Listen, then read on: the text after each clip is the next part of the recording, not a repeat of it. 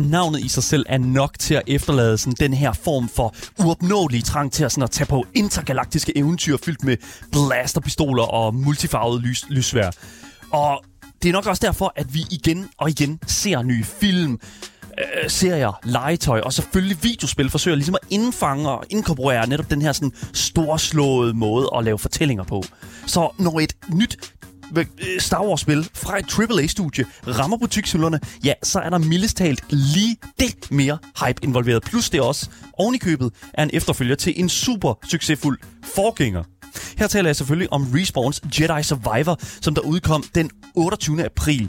Skal du lytte til de mange hårde anmeldelser, der understreger spillets meget tekniske fejl? Eller er det faktisk meget mere, er der meget mere at komme efter, øh, hvad kan man sige, som Souls-like-fan eller som Star Wars-fan? Skal du løbe eller købe, når det kommer til Jedi Survivor? Det skal vi altså sammen finde ud af i dag. Mit navn er Daniel Mølhøj, og ved siden af mig har jeg min fantastiske medvært, Asger Bukke. Ja, ja. Det, det er høje hyl. Det er høje hyl. For en gang skyld er det ikke dig, der skal lave en anmeldelse. Nej, det er jeg glad for. det, har du nyt det? Ja, jeg har været til koncerter Ej. og bare sådan hygget mig i weekenden. Og det er da dejligt. Ja, ja. Det er skønt. Ja, super skønt faktisk. Jeg vil også lige pointere, jeg er også virkelig glad for at få muligheden for at, at anmelde altså Jedi Survivor, fordi jeg, jeg sagde det til Asger, øh, jeg vil gerne anmelde det her spil, og Asger han sagde bare, dude, har du tid til det her? Du er lige blevet far. Ja. Har du overhovedet en skærm derhjemme, var det første, jeg faktisk det, det, det er det rigtige. Har du overhovedet en skærm? Ja. Øh, ja, og det har jeg. Og jeg, jeg har en PlayStation 5, og det, det hele, det var som om, at det bare sådan, det klappede fuldstændig. Det var bare lige op til udgivelsesdagen, der var det bare mega godt. Indtil folk fik fat i det her spil her. Mm. Det skal vi selvfølgelig snakke rigtig meget om i dag. Ja. Øh, hvor, hvordan vi ledet sig, hvorfor det er, så var så stor en revelation. Og hvis du har noget, du gerne vil fortælle os om spillet, om Jedi, om Star Wars, så skal du altså have mulighed for at gøre det på vores fantastiske Twitch-kanal, som ikke er bandet eller noget som helst. Mm-hmm. Vi kører videre som sædvanligt. Og øh, skriv, hvad du synes om netop det her univers, eller om Jedi Survivor, i vores Twitch øh, chat og i vores YouTube-chat. Og det skal I altså være velkommen til at gøre, imens programmet er live. Fordi at, så kan vi nemlig læse det og øh, respondere på det, mens programmet er live selvfølgelig. Der er også et link til vores øh, altid kørende giveaway og vores fællesskabs Discord, vores Instagram og vores Twitch. Selvfølgelig skal altid understrege Twitchen. Meget vigtigt. Mm. Vi er live hver eneste dag nærmest. Ikke? Mm. Du lytter til Gameboys, Danmarks absolut eneste gaming-relateret radioprogram. Jeg synes, vi skal se at komme i gang med dagens anmeldelse, fordi jeg er, kan nærmest ikke, altså jeg kan, jeg kan nærmest ikke holde mig selv i, i sædet over at skulle få lov til at snakke om Jedi Survivor. Velkommen til.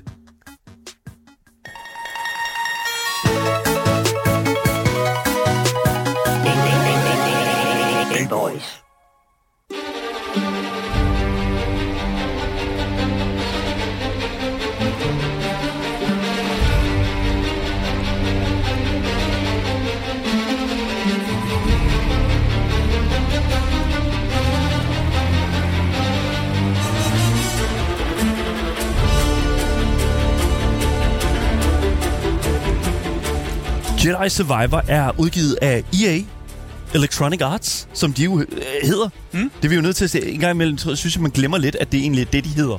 EA. EA.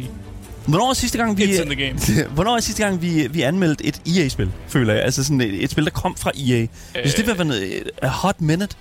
Ja. ja. Ja, det kan faktisk godt være, at det er et stykke tid siden. Det, ved, det, det sker en gang imellem. Det sker lidt. Altså, ja, ja. så er det et EA-spil. Ja. Men øh, jeg vil faktisk også sige, at det er et stykke tid siden, vi har kigget på et Respawn-spil. For det er altså dem, der har udviklet Jedi Survivor. Det var også dem, der udviklede forgængeren Jedi Fallen Order. Og jeg vil sige, hvis man kender Respawn bare en lille smule, så er det A. Wallrunning. Mm. They love, they love their wall running. De kan yep. godt lide at putte wall running i øh, sådan, altså, din karakter løber på en væg. Det elsker de på de der spil. Men de er altså også et studie, som har udmærket sig rigtig, rigtig meget ved at lave øh, Apex Legends, mm. den her store Battle Royale, øh, som også har, møder, har, har mødt igennem tiden virkelig, virkelig meget popularitet. Det er en af de bedre Battle Royales, hvis man sådan skal sætte det op derude. Ja, ja. og yes. for, forgængeren til Apex Titanfall. Titanfall, ja, ja. ja, selvfølgelig også. Det skal selvfølgelig også nævnes. Respawn er et stærkt studie, og det er også derfor, at jeg er en lille smule overrasket over, at øh, de har fået så meget hook, som de har, eller i hvert fald har, har jogget så meget spinaten, som de har, med lanceringen af Jedi Survivor der er virkelig, virkelig sket noget øh, rigtig, rigtig slemt med Jedi Survivors lancering. Mm. Fordi Jedi Survivor udkom nemlig med enormt mange fejl i sig. Altså, det er virkelig mange sådan tekniske fejl. Øh, spillet er udkommet på en del platforme. Det kom på PC, Xbox og Playstation. Mm. Og det kører altså i varierende form på de her forskellige platforme Øh, Ikke særlig godt i hvert fald. mest notably på PC. Virkelig ikke godt. Ja. Det er rigtig, rigtig skidt. Hvis man kigger på nogle af de her øh, hvad nu, øh, flotte videoer, som ligger, bliver lagt op på YouTube, så er det ret tydeligt at se, at det både er grafiske, og, men såvel som program, altså programmable Mm. pro- øh, problemer, der øh, har været med det her øh, spil her. Ja, præcis. Og de vidste jo også nok godt, der ville være nogle problemer, fordi at det, der gik ikke så mange dage, før spillet var kommet ud, og så kom der altså deres øh, officielle statement ud Mm. fra Respawn om, at øh, undskyld, vi skal nok fikse spillet. We apologize. They addressed the drama. Ja, Ikke? problemet var, at man, jeg følte lidt, at det var, sådan, det var skrevet på forhånd, Ja. fordi de vidste godt, at der var problemer. Det skal siges, at vores, øh, an, øh, vores, øh, hvad hedder nu, øh, vores udgave af spillet er blevet øh, givet til os af øh, Cinemax og EA, og ikke Cinemax, undskyld, øh, det er slet, de har slet ikke med EA selvfølgelig, øhm, og øh, vi har anmeldt spillet her på Playstation, hvilket jeg er rigtig glad for, fordi det skulle efter sine være en af de platforme, hvor et, et Jedi Survivor kører rigtig godt. Ja, det skulle være det Ja. sted, hvor det kører sådan nogenlunde. Hvor Men det- selv, selv der, var jeg var stadig inde på Metacritic, og selv der var der også nogen, der klagede over, at det også kørte lidt dårligt, selv på performance mode og sådan noget der. Altså, hvis man skulle sige, lad os sige, okay, øh, på PC er Jedi Survivor en øh, Fortis Court, og øh, på øh, PlayStation 5 er det måske, altså, det, det er sådan en, en, en, en øh, jeg vil sige en Volkswagen, Volkswagen op fra, øh, fra øh, altså sådan før 2010. Ja. Hvis det kan siges på den, jeg ved ikke, hvornår. Sådan kører min mor i. Det, det, ja, det ved jeg godt. Ja. Og de, det er okay, det er fint nok, men er til, så laver den skulle lige en mærkelig lyd, ikke? Ja. Så er den skulle svær at starte. Kan du lave en, en ikke-bilreference for folk, der ikke fatter noget om biler? Fordi Det jeg er næsten ikke engang med. det kører bedre på PlayStation, end det gør på PC. Og Meget simpelt, Ja, ja. Meget, og det er bare sådan, det er. Øh, det, det kører ikke perfekt på PlayStation, men hvis du kører det i det, der hedder performance mode, noget du får lov at vælge i starten, øh, når du starter spillet op, så er det altså muligt at få øh, acceptable frame rates øh, til øh, sådan forskellige steder. Der er nogle steder, Og hvor det... mærke til, at han sagde acceptabel. han sagde ikke øh, perfekt eller godt, han sagde Nej. acceptabel. Men der var en kort periode, hvor jeg overvejede at anmelde Jedi Survivor på mit Steam Deck. Det er fandme Oh Det var inden øh, jeg fandt ud af, hvor slemt det var. Jeg er glad for, at jeg ikke, ikke tog det valg. Det havde været en, måske en anderledes anmeldelse, vi har kommet fået i dag, måske. Ja, det havde det nok. Ja. Og derfor er det fedt, at jeg købte den her. Altså, jeg købte simpelthen, jeg kan lige så godt sige, som det er. Jeg købte min Playstation for at spille Jedi Survivor. Og, øh, og, og det er jeg faktisk rigtig glad for, fordi mm. det, det var en utrolig smuk oplevelse. Og virkelig, virkelig fedt. Jedi Survivor øh, bevæger sig ud i nogle genrer, som jeg tror, vi, har, vi her på programmet har stiftet bekendtskab med et par gange før. Mm. Det er selvfølgelig et øh, Souls-like af en, til en vis grad, fordi du ligesom kører det efter et, øh, de her Dark Souls, øh, det her Dark Souls-format. Hvad det betyder, det skal jeg selvfølgelig nok komme ind på, når vi snakker om noget gameplay. Det er også et RPG, øh, et roleplaying game, hvor der selvfølgelig er nogle forskellige, øh, hvad hedder det, nogle roleplaying game elementer, øh, så som for eksempel skill trees, levels, øh, XP, og selvfølgelig også upgrading af dit gear og sådan den slags. Ikke så meget upgrade, mm. upgradation, øh, upgrading, men alligevel lidt at finde her og der. Øh, og så er der selvfølgelig også det sidste, som er sådan et third-person story-driven game. Ja, det er vel også et Star Wars-spil. Og et Star Wars-spil, men det ved jeg ikke, er det en genre? Ja, er det en, det er synes du, det. det er en genre? Ja, det Okay, fair sige. enough. Hvis det, hvis det er inde i Star Wars-universet, så er, det, så er det et Star Wars-game. Det er et Star Wars-game, ja, lige Fordi præcis. der findes jo fucking... øh, Altså rigtig mange Star Wars-spil. Ja, men jeg ved ikke, jeg synes, det faldt lidt over sådan RPG. Altså, det er sådan en, øh, det er jo et umbrella-term, altså sådan RPG. Fordi det, er Ja. sådan, det kan du putte ind over alle mulige forskellige. Du, dit svær i det her tilfælde er sådan set bare et lyssvær. Ja, ja, selvfølgelig. It selvfølgelig. Jeg siger ikke, der er noget galt med de genrer, der allerede er på. Nå. Jeg siger bare, Star Wars-spil Ja. er vel også en genre. Hvis du skal ud og åbne punkten, øh, som man jo skal er til for øh, nye videospil, så skal du altså af med en hæftig sum penge. Fordi det her, det er jo et triple, øh, et AAA-game. Og det betyder, at du skal af med 5 til 600 kroner. På øh, PC, der er, hvad hedder det nu, øh, er der jo to forskellige steder, du kan købe det, i hvert fald i øjeblikket. Øh, på Epic Games, der ligger det til 579 kroner, og på Steam, der ligger det altså til 521 kroner. Og jeg tror, det er første gang i meget lang tid, at vi har set et Steam-spil være billigere end et Epic Games-spil. Ja, det forstår jeg heller ikke. Jeg var meget forvirret. Det, det, det, det, det er sådan, det er fuldstændig hat og briller. Ja, Det plejer at være væsentligt øh, dyrere på Steam. ja.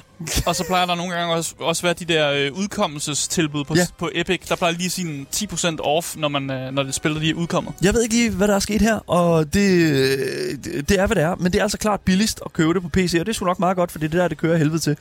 øhm, Det er da ikke godt. Hvis du- du, betaler stadig over 500 kroner for det her spil. ja, det er rigtigt nok. Ja, det er rigtig skidt. Øhm, og jeg skal selvfølgelig nok også nå frem til, om det er pengene værd på PC. Nu, nu ser vi. Men hvad hedder det nu? Øh, hvis du vil købe det på Xbox, så koster det 649 kroner. Hvordan det kører på Xboxen, det ved jeg simpelthen ikke. Mm. Jeg har ikke kunne finde ud af, hvad sådan... Øh, altså, hvad, hvad, hvad der har været sådan af, af problemer på Xbox. Jeg går ud fra, at det er sådan lidt eller, eller PlayStation. Ja, øh, et sted imellem måske. Øhm, på play, øh, PlayStation, der ligger spillet øh, Jedi Survivor til 639 kroner, så det er lige 10 kroner billigere end på Xbox. Woohoo. Ja. Og det var altså her, jeg anmeldte spillet, og det er jeg rigtig glad for. Mm. Det, det er simpelthen virkelig fantastisk. Øhm, og det er en super, super god... Øh, altså sådan... Det, det, det er en AAA-pris, og det kan du ikke komme udenom. Nej, det er rigtig dyrt. Altså, vi, nu skal vi jo over, over at betale over 600 kroner for vores spil. Ja. Det er jo sådan, det er. Sådan er det.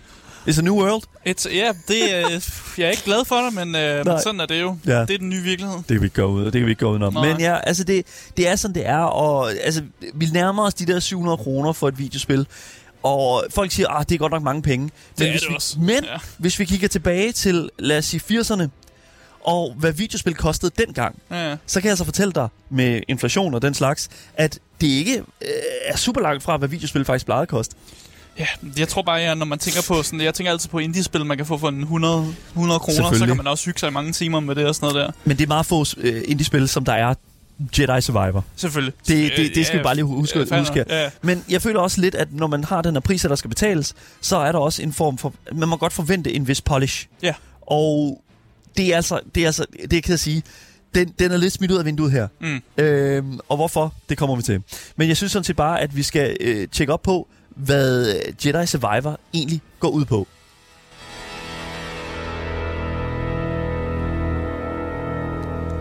Jedi Survivor samler op øh, på øh, fra, det første, fra det første spil Fallen Order et par år efter. Mm. Øhm, Er det ikke fem år? Cirka, jo, det, det, fem år giver meget god mening. Mm. Øhm, den her unge Jedi, Cal Kestis, øh, i Fallen Order, havde jo sammen med sine kompagnoner fundet det her kort her til alle de her kendte Force-sensitive personer i galaksen. Altså øh, folk, der, øh, folk, der kunne blive trænet som Jedis. Mm. Men ham og hans venner tog jo ligesom den beslutning, at det her kort her, det var simpelthen for farligt, og, og at det eksisterede, fordi at hvis det kom i hænderne på, øh, hvad hedder det nu, The Space Nazis, altså imperiet, Ja. ja så øh, kunne det jo ligesom være fuldstændig katastrofalt, og så var der aldrig nogensinde mulighed for, at igen, at der kunne komme øh, folk, der forstod den her sådan, power, de havde. Øhm, men det vil altså også være muligt for imperiet at gruppere de her, sådan, øh, hvad hedder det nu, øh, de her øh, Force users og lave dem til Inquisitors, Mm. eller lave dem til Sith Lords, eller sådan en ny Darth Vader, bare Ja, ja. for at sige det på, til, på sådan øh, normtermer, Kom ikke? onde. Ja, lige gør dem Ja. onde. Ja, ja. Så de valgte simpelthen Cal Kestis og hans venner og ødelægge den her holocron, eller øde- ødelægge det her øh, kort til øh, de mange, hvad hedder nu, Force Sensitives. Og det virker... Måske en lille spoiler lidt. Det, ja, For- ja første sådan er det jo. Det er jo sådan Ja. spil. Jeg kan sige så meget, hvis du vælger, hvis- hvis du køber Jedi Survivor, så starter spillet ud med at fortælle dig den her historie. Ja, det er det samme som uh, God of War Ragnarok også gjorde. Det er det samme som God of War Ragnarok. Man lige får sådan et, uh, det her, det er altså, det er en fortsættelse med stort F. Ja. Ja. Og det er jeg faktisk meget glad for, fordi at, øh, jeg kunne godt mærke, det var faktisk noget tid siden, at Fallen Order var kommet ud. Mm. så det Jamen, synes jeg... jamen, jeg synes også, det er rart, at de lige recapper historien. Ja, ja, lige præcis. Øhm, Star, Wars, øh, Star Wars Jedi Survivor er, øh, der bliver spurgt i vores øh, Twitch-chat her, om spillet egentlig er canon i Star Wars-universet. Og det er det. Mm. Det er canon. Cal Kestis er en, øh, en karakter, som øh, hvad hedder det nu, er øh, repræs- øh, repræsenteret apparently i det sådan, uh, cinematic universe. Ja. ja. Altså, vi får ham i hvert fald at se på et eller andet tidspunkt. Ja, fordi at øh, skuespilleren, øh, som, som jeg så ikke lige kan huske navnet på nu, øh, hvis øh, vi har noget fantastisk at res- research, ville det være fantastisk. Men øh, han, er jo, han er jo en utrolig stor hvad hedder det nu, øh, spiller, og han var også en, en del af øh, sådan den her Jedi ce- Celebration, øh, fan celebration, eller hvad det var. Han Øh, hedder Cameron Mo- Mona- Monaghan. Monaghan. Monahan. Monaghan. Ja, Ja, lige præcis. jeg kan ikke udtale sådan det sidste. Monahan. Øhm, Men Cameron. Ja, Cameron Monaghan, og han er, han er, altså, han var med til det her Star Wars Celebration, ligesom Lars Mikkelsen også var det, Mm. øhm, hvor han så ligesom sidder og, t- og, og taler om spillet og sådan den slags der. Men det er også fedt, at han er ligesom, han gør, jeg tror, han kommer til at gøre sig gældende også i sådan The Cinematic Universe, mm. hvis ikke i den kommende Ahsoka-serie. Nu, nu må vi se. Jeg glæder mig rigtig, Ja. rigtig meget til det. Jeg, jeg kan nærmest ikke vente. Øhm, men ja, Survivor, øh, hvad kan man sige, øh, i Jedi Survivor, der starter vi jo simpelthen med at finde øh, Cal Kestis i fuldt gorilla-kamp, Mm. øh, sammen med, fri, eller for frihedskæmperen Saw Gerrera. Øhm, en ting, som tydeligvis blev alt for meget for Cals venner, Siri, øh, Grease og Marin. Øhm, så han har simpelthen fået sig et nyt team af krigere, som, der, øh, som ligesom, hvad kan man sige, øh, øh, som ligesom hjælper ham med at... Frihedskæmper. Frihedskæmper, Er det jeg kan, jo, for? men Ja. det er sådan, Saw Gerrera er sådan lidt... Frihedskæmper er sådan... øh, Han er ikke en rigtig en del af The Rebellion. Det er jo det, der er med det. Altså, Guerrero, han er jo lidt en... Han er, han er også lidt en skidt karl. En ekstremist. Ja, han er en ekstremist. Det, det er faktisk meget godt, ja. øh, meget, meget godt må, øh, måde at sige det på. Og øh, han har jo selvfølgelig igennem at arbejde for Sor ligesom øh, fået nogle nye venner og fået nogle nye, øh, hvad hedder det nu, øh, sådan kompagnoner. Mm. Og øh, det er altså her, vi møder Cal på den her byplanet Coruscant, hvor det er tydeligt, øh, at der er meget få ting, som øh, betyder mere for Cal i det, på det her tidspunkt, end at få imperiet ned med nakken. Mm. Det er en kamp, øh, som øh, i sidste ende får Cal til at søge mod det, der hedder Kovo-systemet i The Outer Rim, hvor han opdager, at Jedi'ens øh, allerældste ordre har efterladt noget eller nogen, som kræver mere end nogensinde før fra Cal Kestis og hans venner. Så mm. det der vil lægge den, ikke så mange spoilers. Ja. Øh, det er sådan præmissen for spillet, det er det er noget, man får at vide i løbet af de første 20 minutter. Og jeg vil ærligt talt sige, det er en fed præmis.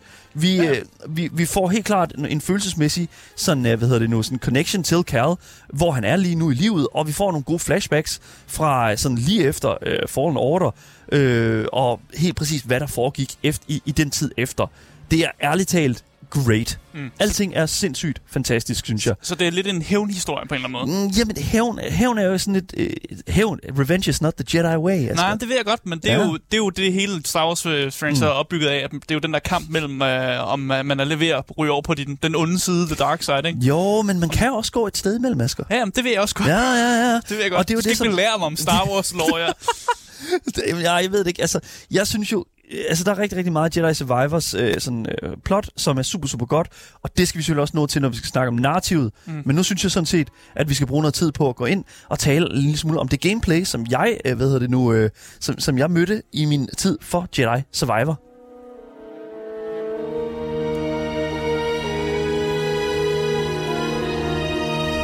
Så inden vi kommer alt for godt i gang, så lad os lige address the allegations, eller address the drama.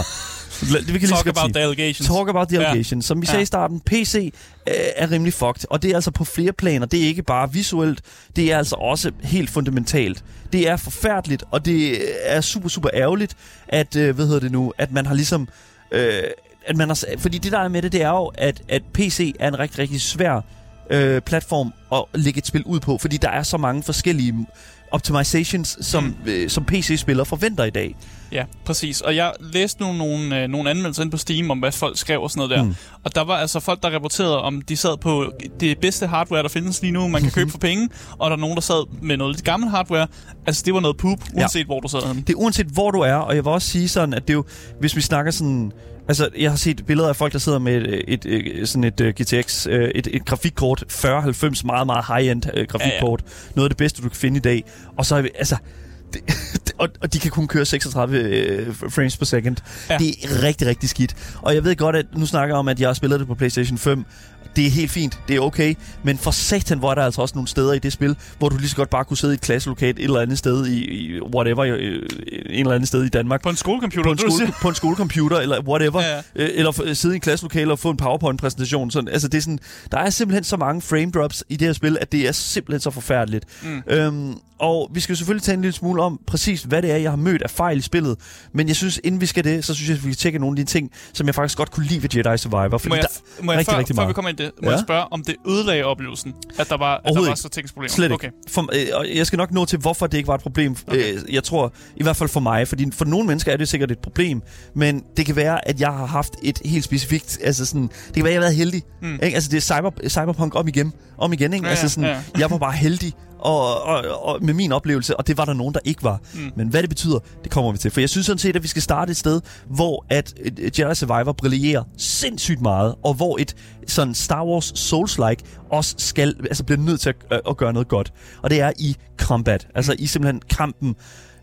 Jedi Survivor er jo et RPG-spil, og øh, det fører jo gerne med, at der skal være nogle øh, sådan, der skal, der skal være nogle ret gode sådan combat mechanics mm. at finde, og ret meget variation i det.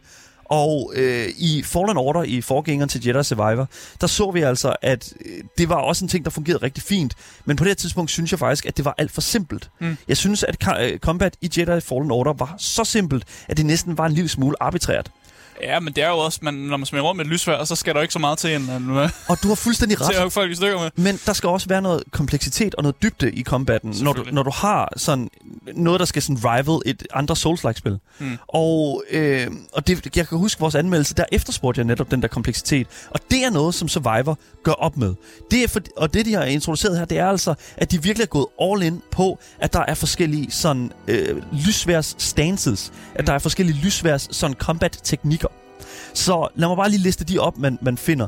Det er ikke nogen store spoilers, det her, fordi at, øh, jeg føler sådan lidt, at, at, at øh, hvis man har spillet det første spil og den slags, så ved man godt, at man unlocker nogle forskellige ting af den slags. Mm. Så der er den her normal, øh, ved, der er den her sådan normale, øh, hvad hedder det nu, lysværs-teknik, som du starter ud med. Ja, det, det er sådan god to hænder på... Øh, To hænder, på og, og så ellers bare øh, øh, møje dem igennem dem og sådan noget. Ja. Men der er også en anden en, du starter ud med, og det er nemlig Twin Blade.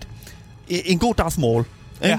Darth Maul. Så Ja. er det ligesom uh, Duel of the Fates, ikke? Altså Så sådan, der er en god en i, der, er, der er en god laser i begge ender. der er en god laser i begge Er ender. det sådan, man skal forklare Lige det? præcis. Det er rigtig, rigtig godt forklaret. Og det synes jeg simpelthen er fedt, fordi det, det var the high. Altså, jeg elskede at kæmpe med dual, øh, altså sådan Twin Blade øh, i øh, Fallen Order.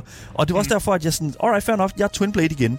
Men jeg var ærligt talt skuffet over Twin Blade, når man begyndte at unlocke nogle af de her andre stances, fordi de var jo bare så meget federe. Ja, ja. Øhm, og øh, her, der snakker vi altså om tre andre stances, udover Normal og Twin Blade, og det er Dual Blade, er Ligesom at dual wield. Ja, Hvis lige man præcis. dual wield i en anden RPG. Ja. ja. Dual Blade er sådan set bare, at du har to lysvær. Det var også til stede i Fallen Order, men ikke i lige så stor, høj grad, som det er i Survivor. Mm. Øhm, her har du altså mulighed for virkelig at gå amok med dine to lysvær. Og øh, det valgte jeg faktisk, det var sådan the main way to, to play, føler jeg, igennem ret meget af spillet. Lige indtil, at jeg fik fat i Crossguard. Ja, ja. Så hvis man har set øh, den nye, de nye Star Wars film, øh, øh, Kylo Ren's lysvær, de har de der sådan små, øh, hvad hedder det nu, sådan håndbeskyttere nede ved hænderne, nede ved, cr- nede ved sådan håndtaget af lysværet. Ja, og det kommer jo af, at folk tit har, når de har kigget på lysværet, været sådan, at der, når man slår to lysvær mod hinanden Ja. i kamp, så kan den ene jo bare køre det ene lysvær ned og Ja. hugge og, øh, nogle fingre af den anden person. Hvilket sker rigtig meget i øh, de, øh, hvad nu, seks første film. så det er sådan, alle mister bare deres hænder. Ja. Altså Count Dooku, Anakin, Luke Skywalker, fucking... Øh, jeg tror, Luke Skywalker mister sine hænder et par gange. Ja. Øh, det er simpelthen så fantastisk grineren, at det, at det ikke er en ting, man har tænkt på. Jamen, så, det var der jo så nogen, der tænkte på. Kylo Ren, han tænkte, jeg skal det. putte noget håndbeskyttelse på mit øh, lysvær. Lige præcis. Men det er også det, der er med det, fordi at, at man får også en lille smule backstory for den her sådan, måde at lave lyssvær på mm. i øh, Jedi Survivor. Det synes jeg er mega fedt. At man får ligesom sådan lidt, hvorfor at man har lavet det på den her måde her. Det er selvfølgelig rigtigt, the logic og er med at, sådan, at beskytte sine hænder. Men man får altså også, hvor de her, den her sådan, teknik at lave lyssvær kommer fra. Mm. Og det synes jeg er mega fedt, og det havde de slet ikke behøvet at lave, men nu har de altså gjort det. Og så synes jeg lidt sådan, alright, fair nok, de har valideret øh, den nyeste trilogi en lille smule mere, og det, altså, jeg tror, den nyeste trilogi i Star Wars film har brug for det.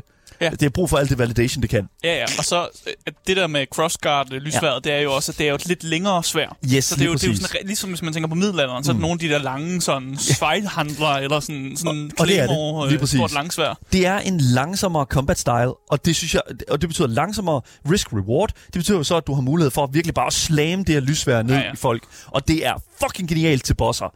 Og det er også derfor, at jeg sådan vidderligt havde sådan, alright, crossguard, it's in my play rotation. Mm. Den sidste stance er en stance, du får øhm, øh, ret, sådan, øh, lidt senere i spillet, men det er altså en stance, som jeg synes, det er sådan the finesse stance. Ja. Øh, hvis der er sådan, øh, kun, måske kun øh, lige overgjort af Twin Blade-stansen, ikke?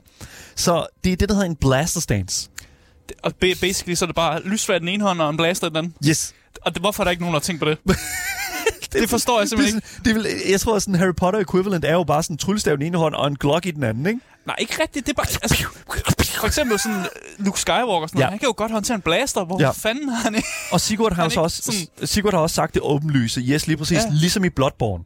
Det er præcis ligesom i Bloodborne, hvor du har din, øh, din øh, lille øh, pistol, og så har din, øh, hvad hedder det nu, din store blade. Mm. Det er præcis det samme. Men jeg vil så sige, hold nu kæft mand, hvor er Cal Kestis altså lige det vildere med, øh, med, med den der sådan, op, øh, ved nu, den der sådan opsætning, øh, eller sådan den der sådan måde at, at, at kæmpe på. Mm. Fordi hold nu kæft mand, de der finishes der, øh, man kan lave med sin lysvær, og specielt de blaster stands, er jo fucking vanvittige. Mm. Altså det er sådan noget med, at du lige sådan øh, bruger din gun, du vender din gun rundt, så du har sådan øh, håndtaget, som du kan slå med, og så fejrer du lige benene væk under din modstander, og så fyrer du lige, hvad nu, øh, lysværet ned i, i øh, sådan brystet på dem. Ja, ja. Det er sådan, det, det er sådan, det er, altså, det er virkelig sådan get finessed, mother, Ja. motherfucker. Ja, ja. Altså, altså det- nu dunker han på dem. Lige præcis. Ja, ja. det er super fedt. Han viser stormtropperne, Ja. at øh, han kan faktisk også ramme en blaster. Ja. Jeg var Ja. ikke super stor fan af blaster stance, fordi at, øh, det er godt, at du har den her blaster her, og du kan skyde på folk, men den har, den har sådan noget ammo, øh, den har limited ammo, som charger op, når du rammer dine fjender. Hmm. Og det er lidt irriterende, fordi det tvinger dig faktisk lidt ind i sådan close combat. Øh, og, og det synes jeg er en lille smule ærgerligt af til, når du fucking har en blaster. Ja, yeah. Why would you want to do that when you have a blaster? Det irriterer mig. det er bare sådan der. Jeg bliver også nødt ja. til at spørge, øh, alle de her, nu har vi snakket om alle de her stances og alt Ja. det her combat og sådan noget der, mm. men vi er enige om, at Karl, øh, Karl Kestis, han har ikke glemt... Kald du ham lige Karl Kestis? Ja, det er, fordansker ham. Jeg fordansker det helt vildt. Karl, Karl han, Kestis, har, han har ikke glemt al sin teknik fra det første spil, vel? Nej. Og det er også det, som man, når der sådan, man laver en fortsættelse på et RPG-spil, så er det jo svært sådan, en, nogle spil laver det sådan, at de får tro, altså sådan God of War-spillene f- sådan trækker jo bare sådan, åh, han bliver fanget, og så trækker de bare de der våben ud af ham, sådan fucking get fucked kid. Ja. Øhm, men, men, men det er jo så der, hvor der er sådan, at, at jeg føler faktisk, at Jedi Survivor har gjort et ret godt stykke arbejde for sådan, ikke, ikke at få, at du er 100% tilbage, men at du har mulighed, altså at de har sådan har forsimplet de ting, du fik i det første spil, til sådan at kode mere ind til det essentielle mm. af det gameplay, du havde i det første spil. Og så ligesom sige, alright, fair enough, vi kan godt se, at du fik en masse ting i det første spil, og, sådan noget, og, og, og nogle forskellige powers og den slags, og du unlockede nogle forskellige combat stances. Mm. Og dem har man stadig. Du har stadigvæk sådan The Twin Blade, og har stadigvæk sådan de, de capabilities, øh, som, som, som du ligesom... Øh, Altså, s- som du havde det første spil, men de er blevet kogt ned til som the more essentials, mm. For ligesom at gøre plads til de nye ting også. Præcis, og det synes jeg, det er en god, Ja. det er en god måde at gøre det på. Det er og det. det er godt tænkt, fordi nu Yes. mange spil, også, vi har jo allerede snakket om det, sådan God of War og sådan noget, Ja. de kan godt lide at trække alle skillsene sådan lidt tilbage, og så skal, Det, man, det, så det, skal man relearn dem hvad igen. skete der? Har- du fået insomnia? Hvad sker der? Er du, er du hukommelsestab? Du var jo, du var jo en god i slutningen af det første spil, ikke? Ja. Øh, og, og, og det føler jeg sådan lidt, er sådan lidt ærgerligt, øh, og, og, og at, at du har glemt alt det. Men så er det altså ikke Jedi Survivor, og det er jeg rigtig, rigtig glad for. Mm. Øhm, der er stadigvæk et talent tree i det her spil her.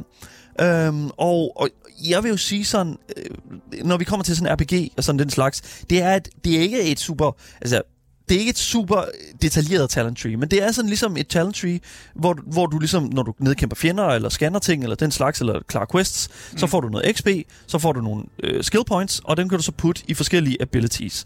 Og øh, de her abilities er jo så enten, at du sådan kan øh, putte det i, i tre forskellige ting. Du kan sådan putte det i sådan survival, du kan putte det i lightsabers, og så kan du putte det i force. Og det er jo så ligesom sådan, Simpelt. Ja, det er sådan kategorierne. Og ja. Når du så kommer ind i de kategorier, så har du ligesom mulighed for at sige sådan, at i Forest for eksempel, at du kan holde to fjender øh, med The Force i stedet for en, og så kan du holde flere, eller sådan, du kan trække flere til dig, eller et eller andet, ikke? Mm. Og det synes jeg også er super, super fint. Øh, fordi der ligesom er sådan, alright, jeg kan godt lide den her playstyle. Problemet er bare lidt, jeg mangler lidt en sådan... Øh, jeg mangler lidt en måde, hvorpå at jeg kan få min talent points tilbage, fordi at du unlocker jo de her stances her løbende. Ah, og du vil gerne kunne respect dem, ikke? Jeg kunne godt tænke mig Ja. respect, fordi hvis jeg finder en playstyle, der interesserer mig, øh, som jeg synes er fed, så har jeg brugt mine øh, points i Dual Blade, og så synes jeg, det er sådan lidt, okay, det er lidt nederen, at nu øh, kan jeg ikke rigtig ligge dem i det. Ja. Jeg vil dog sige, spillet er langt nok til, at du kan blive rigtig god i alle de her, øh, hvad hedder det nu, øh, i alle de her trees, men du føler lidt, at det er sådan, at du, når du får et ny, en ny stance, mm. at du har spildt dine points, fordi, åh, nu har du fået den her nye size stance. Og det er Så- sådan lidt, Så anbefaler du faktisk lidt, at man måske gemmer nogle af sine point. Det bare vil- så man... Ja, fordi du er faktisk powerful nok. Du bliver ikke stærkere af at putte points ind. Du bliver, altså du har flere øh, ved du, tools i dit øh, i værktøjsbælte, mm. øh, eller værk, i din værktøjskasse, men, men det er ikke fordi, at du mangler noget, når du ligesom putter øh, points, øh, gemmer pointsene. Og det synes jeg, det er okay. Jeg synes, survival er ret essentielt. Det er ret vigtigt, at du putter points i survival, og så måske øh, un- undlader de her sådan lightsaber points øh, til mm. senere. Det er måske lidt... Øh, det, det er sådan, jeg vil sige det, tror jeg. Ja, ja. Øhm, Så put det i det essentials, ja. som sådan noget Ja. ekstra, ekstra liv går ud fra, Ja. survival er og sådan noget der. Lige præcis. Og du har ja. Også, altså, det er jo et uh, Souls-like spil, så du har også de her sådan health canisters, du finder rundt omkring, øh, som uh, BD-1, din lille robot, kan give dig øh, i kampens hede. Det er jo basically Estus flasks. Øh, og så er der de her meditation points rundt omkring i banerne, hvor det er sådan, at du så kan meditere, og hvor du kan så, hvad hedder det nu, øh, putte skill points ind, og så kan du selvfølgelig også øh, øh, ændre, hvilke stances du har øh, kørende lige nu. Mm. Fordi du har mulighed for at skifte imellem to stances, øh, når du er ude i felten og i combat og sådan noget. Altså, det er Øhm. jo fattigt, hvor meget det egentlig låner fra Dark Souls. Ja, det er det virkelig. Når det er også med de her meditation Det points. er det. Ja, ja. Det er virkelig sådan et det, er jo, det, er det jo et bonfire. Det er virkelig bare, Ja, ja. det, er, det er fuldstændig sådan, og det, sådan var det også med Fallen Order. Men de har virkelig, ja, ja. de har virkelig gjort det altså sådan ek- ekstra meget i, i Survivor. Og det er helt okay.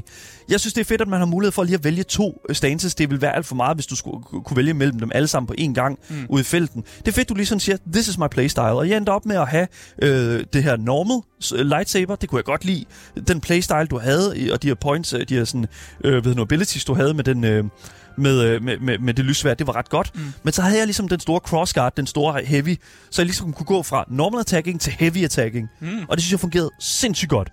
Hvordan ser det ud visuelt? Bare sådan, Jamen altså, sådan, hvad, hvad tænker du på rent sådan, visuelt? hvad sker der med hans lysvær? Sådan, kommer, der, kommer der bare de her crossguards ud, og det bliver længere? Eller sådan, gør han noget ved det? Så det der er med det, det. ja lige præcis, det der er med det, det er jo, at dit lysvær øh, er sådan multipurpose. Mm. Så dit lysvær ligner altid, at det kan alle de her ting her. Men du vælger bare sådan at sige, okay, fordi øh, dit lysvær, når du har fået crossguarden, så sidder de der crossguards altid på siden, uanset ah, hvilken, ja, ja. øh, hvilken øh, style du bruger, hvilken stance du bruger. De er der altid. Og det synes jeg øh, er super fedt, fordi at så er det sådan, det er immersive. Hvad for en, altså uanset hvad du laver, så fungerer det bare. Mm. Så øh, øh, jeg synes, at det er, jeg synes, det er ret godt combat. Øh, jeg synes, at jeg var en lille smule sådan skeptisk i starten, fordi det var sådan lidt sådan, alright, er, er det bare det her, vi, er det, jeg følte mig lidt weak og sådan den slags. Men det skælede ret godt op øh, efter den første bane, man er i, øh, Coruscant, og det, det synes jeg, det er sådan, øh, så, så glemte jeg faktisk lidt, at jeg var skuffet. Mm. Jeg blev faktisk mere og mere imponeret efter, som spillet sådan went along, og det synes jeg er rigtig, rigtig godt. Så en langsom start på combat-siden, men, Ja. øh, men det bliver bedre. Mm-hmm. Ja. Mm-hmm. ja. Alright, I'm gonna get, um, I'm gonna, gotta get into movement.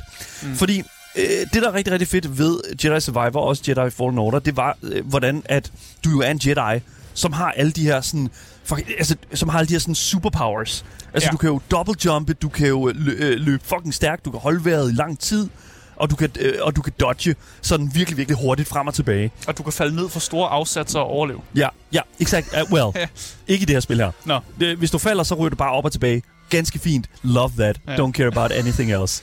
Men alt er stadig øh, ved det gamle, sådan fra det gamle spil her. Altså, du har wall running, du har klatring, alle de her ting her, som man kunne føre double jump, den slags. Men der kommer altså også nye ting ind øh, i, i, i Survivor, og det er jeg rigtig glad for, for pludselig, så er du lige det mere fri til at lave de her sådan øh, sjove finter og grineren tricks med Carl Kestis, med de her nye ting, han får. Der er blandt andet, hvis jeg bare lige skal give et lille, øh, hvad hedder det nu, øh, det får han også i den første bane her, han får en grappling hook. Ah yes. There it is. Det er jo, alle videospil bliver jo bedre, så snart man får en grappling hook. Alle videospil. Det ved vi jo. Massive, massive, massive W. Massive fucking Ja. W win. Det er sjovt, at grappling Ja. hook, det er bare sådan, at det tra- transcender sådan forskellige genrer af videospil. Ja, ja. Det er sådan, det er godt i alle spil. Det er, og uanset om du spiller en puzzle-platformer, eller du spiller et eller andet MMO eller en RPG, så er det bare en god grappling. Øh, hook. Exactly. Det er bare fucking godt. Og det, det jeg, jeg, jeg elsker at rende rundt med Carl Kestis i det her spil her. Det, øh, altså sådan, hvis man ser Souls-like spil, så er der tit det her sådan, øh, hvad hedder nu, action buff, øh, bu, øh, action buffering, hvor der er sådan, at du queuer en masse actions op. Det er ikke så meget til, hvad hedder det, altså med attacks, hvis du øh, attacker med en øh, karakter i øh, Dark Souls, Mm. øh, og kommer til at trykke attack igen, så skal du lave det der andet attack. Sådan er det ikke i Jedi Survivor, and I fucking love it. Det, oh my jeg, god. jeg er ked at sige det, men det, Dark Souls er faktisk også næsten en af de eneste spil, som laver det der Ja, og attack det buffering. irriterer mig, ja, hvorfor Så- de gør det på den måde. og det, Jeg er glad for, at du har set lyset. Ja, it's good. It's, jamen, altså, sådan, det, det, er bare, det er bare sådan velset af, af Respawn. We don't want that shit. It's just good. Ja. Øh, hvis man skal kigge en lille smule på de fjender, som man kæmper imod, så er der altså også et virkelig stort, øh, sådan, der er en stor forskel på sådan, den kampstil, som du har brug for at bruge imod visse typer af fjender. Der er stor øh, hvad hedder den, forskel på fjenderne også. Du kæmper imod Battle Droids, du kæmper imod Stormtroopers, men altså, det er fedt, når du møder sådan en miniboss, og så er det sådan lidt sådan, alright, har jeg en rigtig kampstyle til den her boss? Nej, fair enough, let me experiment. Og du har mulighed for ligesom, der er rigtig gode sådan save points, der er rigtig, altså du, du bliver aldrig sådan sendt rigtig meget tilbage. Og der er nogle sindssygt gode sådan, øh, hvad hedder det nu, øh, måder, hvorpå at du sådan kan komme tilbage til bosser super hurtigt også. Mm. Øhm, og det er sådan set det. Jeg er glad for, at jeg spillede det på Playstation, fordi Playstation-controlleren, PlayStation 5-controlleren er fucking nice at spille den her slags spil med. Var der haptic uh, feedback? Haptic feedback, yes, lige ja. præcis. Når du skal uh, trække noget stort, så er, hvad hedder det nu, er The Force uh, hvad hedder det nu, sværere at hive tilbage. I love that. Det er sådan the small things, og det er der, hvor jeg føler, at, at det er fedt at bruge controllers på den måde. Altså, det er bare sådan well thought out, og det er sådan en quality of life ting, som jeg bare fucking elsker. Øhm, en anden ting, der også er med det der, jeg nævnte, det er sådan Dark Souls level design, det er jo også det her med, sådan at der er, øh, det er jo det her sådan et, en open world, som du kommer i. Det er lidt mere øh, open world end Fallen Order, øh, men det er meget mere Dark Souls, øh, end det nogensinde har været før. Det her med sådan, at det er en stor åben verden, og så øh, looper ting tilbage hele tiden, sådan mm. til at sådan, åh, øh, du er kommet mega langt i den her bane her, men så trykker du lige på sådan den her grappling hook øh, shooter, som der er et eller andet sted, og så skyder den ellers bare en, en øh, snor hele vejen tilbage til starten af banen, ja. så du kan komme tilbage dertil fucking genialt. Så du, du føler ikke, at du bliver railroadet? Jeg er ikke, altså, der er lidt railroading, men det er fint nok, fordi at øh, når du kommer senere hen i spillet, så er der virkelig sådan virkelig open world. Mm. Og så bliver det altså lidt, det mere interessant. Men du starter på Coruscant, som er en, en væsentlig, øh, væsentlig øh, god sådan, introduktion til den nye måde at lave open world-spil i det her spil. Øh, I sådan et Jedi, øh, Jedi-universet. Virkelig, virkelig godt. Mm. Så lidt lineært i starten, lidt lineært, men åbner op. Men åbner ja. op senere, og det er jeg rigtig, rigtig glad for, at det gjorde, fordi det, det fortjener sådan et spil øh, her. Altså, at man får lov til at undersøge Star Wars-universet i sin egen pace, og i sin, øh, i sin egen sådan, øh, med sin egen sådan, uh, interesse. Det var det, jeg sagde i starten, det der, mm. man har lyst til at gå på opdagelse i Star Wars-universet, mm. og det føler jeg endelig, man får lov til i Jedi Survivor. En anden ting, som jeg også synes er interessant, det er jo netop det her sådan med, jeg fortalte dig det her før, du kommer til på et tidspunkt til en, øh, hvad hedder nu, øh, saloon, der hedder Pyloon Saloon, som er styret af din tidligere ven, der hedder Grease. Mm. Øhm, og i den her saloon, der kan du møde en masse forskellige mennesker og lave nogle quests øh, for en bounty hunter og den slags der. Men der er altså også et board game. Oh, og yeah. øh, det er altså noget, der hedder Hollow Tactics. Og jeg kan lige så godt sige, it's so much fun. Og stadigvæk så simpelt. Og det, jeg tror, Asger, du vil synes, det var alt for simpelt. Det er ikke Gwent, det her. Lige fra, Gwent er også fra, simpelt. fra Witcher. Nå, jamen altså, ja, ja. Det, det, det, er mindre simpelt. Altså, det, det er mere simpelt end Gwent. Okay. Øh, virkelig, virkelig simpelt. Og øh, det er altså, Hollow Tactics, det er vidderligt bare, at du, øh, ved, nu har nogle karakterer, som du smider på sådan et, et, et, et board, og så er der en modstander, som sætter nogle karakterer på sit board, øh, og så er det sådan vidderligt bare, det er lidt sådan, sådan uh, Hollow Chess, også fra Star Wars-universet, mm. hvor man sådan ligesom sender nogle uh, karakterer mod hinanden, og så er det bare sådan en real-time battle, som foregår sådan på sådan et hollow board. Det er meget sjovt, og det er en meget sådan lille, sådan, også bare sådan, øh, okay, nu har jeg lige været ude i verden. This is interesting. Mm. Ikke? Altså sådan en interessant ting. Men det, der gør det endnu federe ved det her Hollow Tactics, det er, at du kan gå ud og samle sådan characters til Hollow, øh, Hollow Tactics ved virkelig altså sådan fjender i spillet. Mm. Så øh, Stormtroopers, øh, Battle Droids og den slags der, yes, hvis du kæmper med dem, øh, kæmper mod dem, slår dem ihjel og får øh, din lille robot BD-1 til at scanne dem, så ryger de ind i spillet, og så ja. kan du bruge dem der. Så det giver dig lyst til at gå ud i verden og simpelthen bare pfiuh, øh, ved du, få lyst til at, sådan, at finde nye monster, som du kan få lov til at, ligesom, at gå, øh, gå nuts på ja. og scanne på, ja, lige præcis. Og det er mega, mega nice. Så lad os det lyder meget simpelt. Meget, meget, ja, det er meget, meget simpelt, men det er en meget fin lille quality of life ting, ja, ja. og det er også, de, de har brugt, scanning var en ting i det første spil, som jeg synes var lidt arbitrært, det var bare sådan lidt sådan journal-agtigt, mm. men nu har de gjort det øh, til en essentiel ting, så man har lyst til at gå ud og opsøge noget mere, og det, det er jeg faktisk rigtig glad for. Ja. Så lad os snakke en lille smule om det, som jeg tror rigtig, rigtig mange øh, tænker på, når man snakker om Souls-like-spil, og det er sværhedsgraden. Er det et svært spil? Øh, Jedi Survivor. Jeg kan fortælle, at jeg synes, at Jedi Survivor er et meget balanceret spil. Men hvis du synes, det var svært, så er der det, der hedder Story Mode. Mm. Og jeg, jeg kan sige, jeg spillede det, Jedi, Jedi Fallen Order, det første spil, halvt på Story Mode og halvt på Normal Mode. Og det synes jeg var øh, rigtig, rigtig fint. Så, men jeg endte med at spille på story mode, fordi jeg synes, at combat var det mere. Jeg synes, at combat var meget simpelt. Så jeg synes, at fuck it, lad os bare øh, få historien. Det er fucking fedt. Øh, combat fungerer super fint. Jeg havde mere lyst til at spille på normal mode i Jedi Survivor end story mode. Mm. Og det er ikke fordi, at historien er dårlig. Det er simpelthen bare fordi, at ting er blevet væsentligt mere balanceret, og det mere komplekse, når det kommer til combat. Mm. Men det der er med det, det er jo, at hvis vi kigger på sådan... Altså, man kan sagtens spille på story mode og, sagt, og stadig have en fucking fed oplevelse. Det, jeg gjorde det samme med øh, God of War Ragnarok. Ja, ja, ja. Og øh, jeg, jeg, jeg synes sådan set, at det er det, bare, hvad man leder efter. Det er, hvad man leder efter. Leder du efter en... Vil du bare gerne yeah. have historien? Og så det andet er sådan, mm. det, det, det er en måde at få historien frem med, eller leder du efter en, en, en challenge? Men det fede ved Jedi Survivor, det er, at du kan skifte det on the fly, lige når du vil. Mm. Hvis du har en boss, du struggler på, fuck it, slå den på story mode, du øh, nailer ham fuldstændig. Hvis du har en interessant, øh, hvad hedder det nu, boss fight, som du tænker, oh wow, den er da godt nok lidt interessant, slå op på hard mode, whatever. Det er fuldstændig op til dig selv, og du kan gøre det, så længe du ikke er i combat, og jeg synes, det er så fedt. Så øh, lad os bare, øh, hvad hedder det nu, øh, nå til det, som jeg tror rigtig mange til, øh, har, har snakket om, op til, hvad hedder det nu, øh, Jedi Survivors, sådan en udgivelse, og det er de fejl, øh, som der har været med spillet, og som oh, jeg har fedt. oplevet. Så jeg føler, man kan opdele boksene og fejlene med Jedi Survivor i to ting. Der er de sjove, og så er der de fucking nederen. Mm. Så de sjove, det er jo dem der, hvor du sådan øh, kæmper mod en boss, eller en, kæmper mod en... Øh, øh, en, En øh, fjende eller en, noget, øh, ja. whatever, noget andet, øh, eller laver et puzzle, og pludselig så flyver din karakter 400 km op i luften. Det- så er du deroppe. Ja, Whatever. det var det Force, der, lige, der tog fat i ham. No idea. Det Ja, skete op til flere gange for mig, at jeg bare fucking fløj i helvede til. Og, og, og det, det, er jo, det er jo, hvad det er. Men så er der de mega nederen, øh, hvad hedder nu, box, hvor at for eksempel BD-1 ikke kan låse op for en eller anden dør, fordi at den der trigger der ikke bliver triggeret. Ja, It sucks og så skal man so hard. restarte, eller hvad? Ja, Ja. så skal du, du skal vildt genstarte spillet. Åh, oh, Fucking nederen. det plejer at være, det er, det er en dealbreaker. Hvis lige snart man skal til at genstarte sit spil, ikke, så er det bare sådan, fuck. Ja. Mm. Men det var sådan nogle ting der, fjender, der fucking lige pludselig bare står stille, eller fjender, der stadig taler, når de er døde, eller en... Øh, Okay. En, øh, hvad hedder det nu? En, jeg kæmpede mod en af de der sådan AT&T, eller AT&T, AT's, øh, AT-AT's med to ben, Ja. som går og skyder. Og den blev bare ved med at kaste bomber efter mig, selvom den var død. fucking bullshit. Det var så fucking nederen. Og jeg, øh, jeg synes, det var så træls, at det var sådan lidt, fuck, what the fuck. Jeg fik stadig øh, XP'en for det, men der var jeg også nødt til at genstarte. Mm. Og det var bare sådan nogle ting, som blev ved med at dukke op i, i spillet. Det var selvfølgelig sjovt nok, men kunne, jeg kunne godt have undværet burde det. ikke have været der. Det skulle bare ikke have været der. Jeg har, altså, jeg har selvfølgelig ikke betalt for spillet, men der er folk, der sidder derude og har betalt fucking 650 kroner for at få lov til at spille det her spil. Det Ja. er fandme ikke i orden. Ja. What the fuck? Altså, der bliver du nødt til at være ærlig, når, når man putter AAA-prisen, og man siger, at det skal koste 600 kroner, Ja. så skal sådan noget der, det skal bare ikke eksistere i en spil. Nej.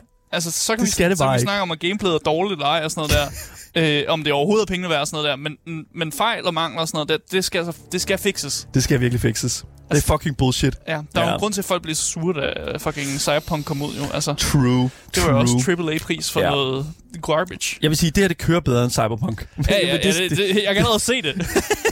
det, it is what it Ja. is. Men ja, jeg, hvad hedder det nu, øh, jeg, jeg synes bare for lige at overall sætte det sådan med fejl og med, med det, jeg kan lide, det jeg ikke kan lide. Gameplay. Mm. Gameplayet i Jedi Survivor er super stærkt.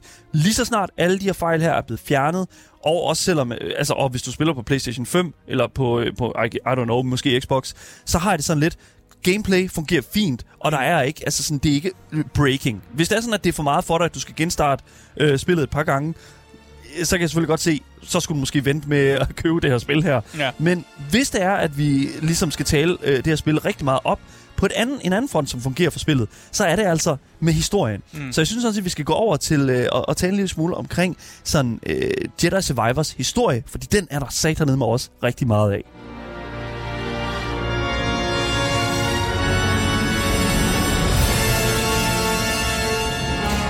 Så historien i Jedi Survivor er jo, som jeg sagde i starten her, sådan en, en relativt lige fortælling. Mm. Øh, lige efter, sådan, øh, nu, eller selvfølgelig nogle år efter, selvfølgelig Fallen Order, men man har ligesom sådan, man, man, tager, man finder en, en ældre Cal Kestis, som er væsentligt mere sådan selvsikker i hans Jedi-evner. Mm. Og det er er altså ikke længere et kid. han er ikke længere en, et Jedi Kid, han er ikke længere en, sådan, en Padawan. Nu har han fået noget reelt Jedi training. En lille smule skæg. En lille smule skæg også. Ja. Det kan jeg godt lide faktisk. Ja. Ja. Der er faktisk det, med det lange skæg der, så ligner han faktisk vores ven Mathias en lille smule.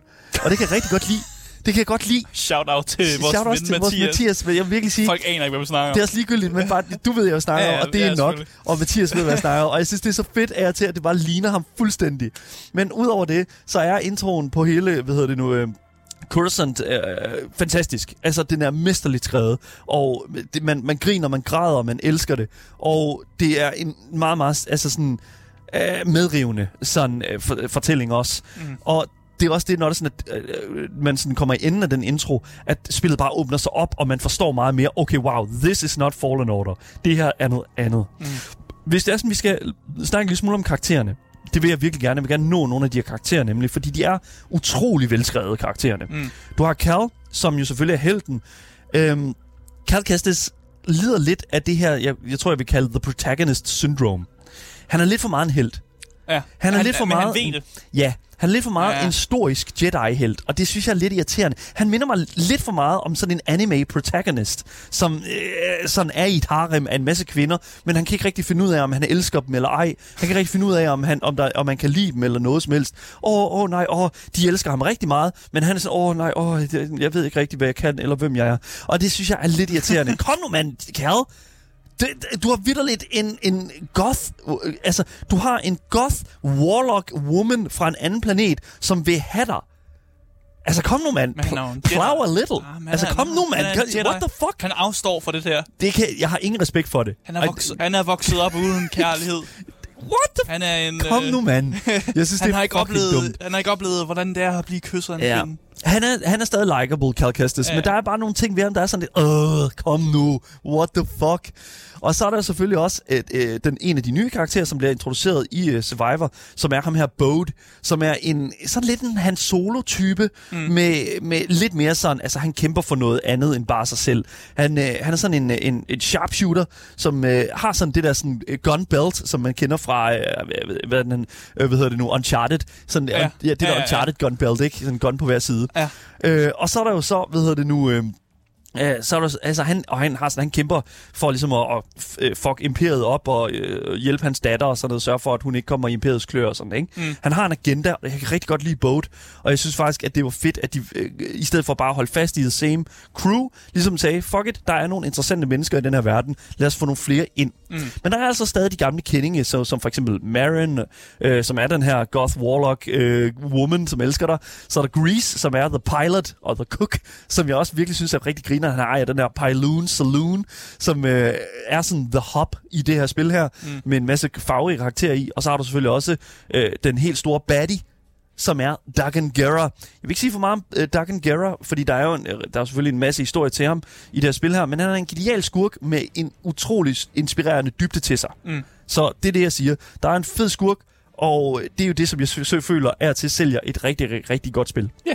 Så Det, det er helt rigtigt. så overall, så synes jeg faktisk, at historien i Jedi Survivor er super stærk og har en meget klar agenda med hvert enkelt plot device, som Cal Kestis kommer til at stå overfor.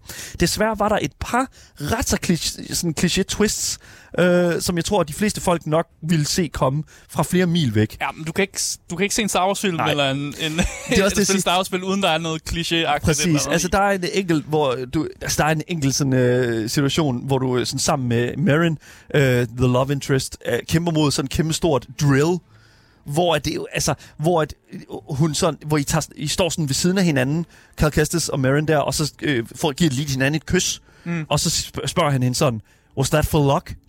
Og så øh, siger hun, no, that was for me, tror jeg, vi snakker, eller et eller andet. Ja. Og det jo et nick til sådan den første, jeg tror det er A New Hope, hvor at de jo sådan, øh, hvor at, øh, hvad hedder det nu, lærer, hun øh, kysser Luke for sådan at sige, for luck, eller sådan noget andet, Ja, for good luck. Og det, er sådan, det var et nick til det. Og det er sådan lidt on the nose. Det er selvfølgelig sådan, ah, they said it. Altså, altså sådan, De tog noget fra de originale. Exactly. Og det er, sådan lidt, det er jo lidt fanservice, ja. og det er også fint nok. Men jeg er nødt til at sige sådan, der, altså, nogle steder gør de det lidt over the top, og der er meget mere fanservice at finde. Øh, hvis man kunne lide fanservicen i det første spil, øh, hvor Darth Vader kommer øh, i det første spil, så kan jeg også godt lide øh, hvad hedder det nu, øh, sådan øh, fanservicen i det andet spil, I Så uden at spoil, der, der kommer til at være nogle karakterer, man kan kende. Der kommer til at være mange karakterer, man kender faktisk. Okay. Så det vil jeg bare sige. Jeg vil ikke sige hvem, Nej, det og, skal og heller i hvilken kaliber. Men altså, i, der er helt klart, hvis man søger efter det, there it is. Ja. ja. Så, og jeg også sige sådan, øh, altså, bare lige for mig, øh, altså, jeg, jeg synes ikke, det er noget negativt, at der er nogle kliché-ting. Jeg har en Star Wars-tatovering. Der er meget lidt, som jeg ikke kan acceptere med den her franchise, tror jeg. Øh, men jeg bliver nødt til ligesom at anerkende, at, der, at, at den her sådan todimensionelhed i øh, sådan storytelling godt kan være sådan et negativt point for nogle mennesker, tror jeg. Ja, ja. Så jeg tror, det er det, jeg vil sige om The Story. Overall, very good. Måske en lille smule todimensionel på nogle steder, men altså, det er karaktererne, der bærer det, og det er en god skurk, som øh, er med til at, ligesom, at løfte det hele. Øhm, og det passer sindssygt godt sammen med alt muligt andet. Mm. Og det er blandt andet også det næste, vi skal tale om, som er det visuelle og lydmæssige design af øh, Star Wars øh, Jedi Survivor.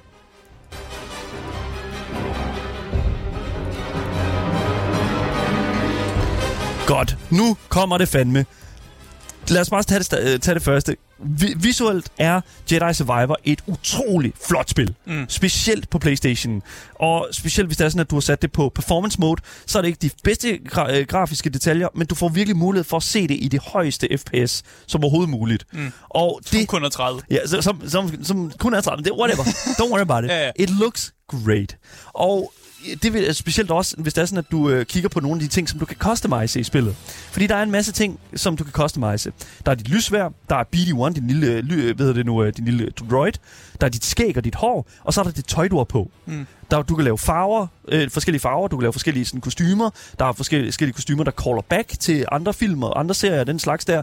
Og så er der en masse forskellige måder, du kan lave dit øh, lightsaber på. Mm. Der er ikke nogen stor forskel på dit gameplay, men det ser bare anderledes ud, og det synes jeg er fucking grineren.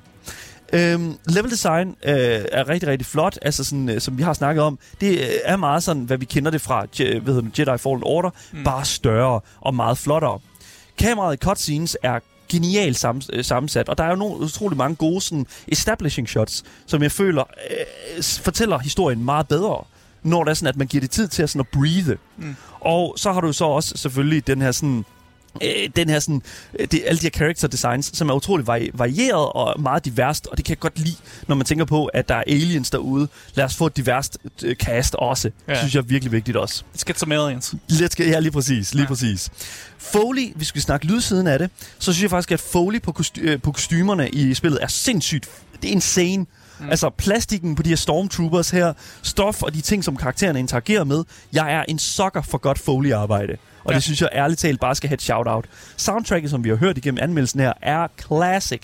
Det lyder som John Williams. Det lyder som et klassisk Star Wars, øh, sådan, øh, hvad hedder det nu, øh, epic, øh, hvad hedder det nu, sådan epic øh, soundscape. Og Ja. jeg elsker det. Altså, man kan ikke tage fejl af et, øh, Nej. Star Wars uh, soundtrack. Det kan man altså virkelig ikke. Voice acting er cinematisk, men stadigvæk meget sådan reelt. Altså det er sådan, det er skrevet, hvis du forstår, hvad jeg mener. Mm. Ikke? Det er meget sådan øh, manuskript, men man kan virkelig mærke, at øh, skuespillerne har givet et ordentligt nyk op, når det kommer til sådan performance. Og specielt når det kommer til de her battle droids, som jeg føler virkelig er the best comic relief ever. I, i, altså Stormtroopers var rigtig godt i Fallen Order. De er stadig gode i Jedi Survivor, men holy crap, man. Altså, øh, Battle Droids er comedy quality. Mm. Og for fuck's sake, det er godt.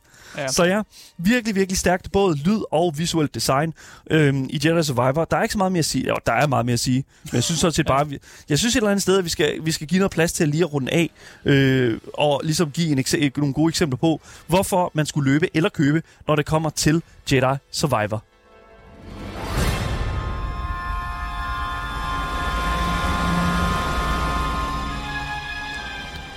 Løb eller køb? Ja, så jeg må indrømme, at jeg virkelig har haft svært ved at finde frem til sådan en, en endelig konklusion på min sådan tid med Jedi Survivor. For i bund og grund, så har vi jo med et super solidt AAA Star Wars RPG at gøre, med en Souls-like sweater trukket ud over sig. Altså det her burde jo for helvede være the perfect game. Ja. Og som, Game of the Year måske. But yeah. Ja. Og som udgangspunkt, så føler jeg faktisk også, at Jedi Survivor er perfect. Der er mange ting i det, som er bare fucking great. Og hvis du spørger mig, så er det 100% de her sådan 500-600 plus kroner og 28 timer værd. Uanset om du er Star Wars-fan, Souls, Souls-like-fan, eller for den sags skyld også bare sådan en RPG-fan. Men realiteten er bare, at du virkelig ikke bør bruge dine penge på Jedi Survivor endnu. I hvert fald ikke på PC. Respawn og EA har jo lovet, at de arbejder på sagen, men det er altså først, når det sker, at jeg med god samvittighed kan anbefale folk at købe det her spil. I, øh, det, jeg kan kun anbefale det her spil her, øh, hvis det er, at de fikser det. Fordi at I er top-tier gamers derude, og I fortjener kun top-tier gaming quality, og ikke et eneste sekund før burde I bruge jeres penge, før det sker. Så måske vent på sommersale. Vent på sommersale, eller hvis I bare hvis I ikke kan fucking dyre det, og har en Playstation, så kan I stadig godt købe det. Ja. Det. Så fungerer det fint. Men hvis I er på PC, så skal I altså vente. Der er ikke andet øh, udenom det, selvom at det er et knald, knaldgodt spil.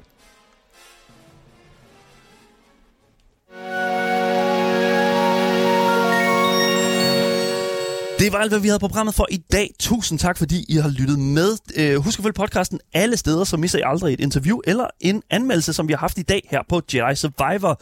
I må også meget gerne øh, kontakte os, hvis I har brug for det.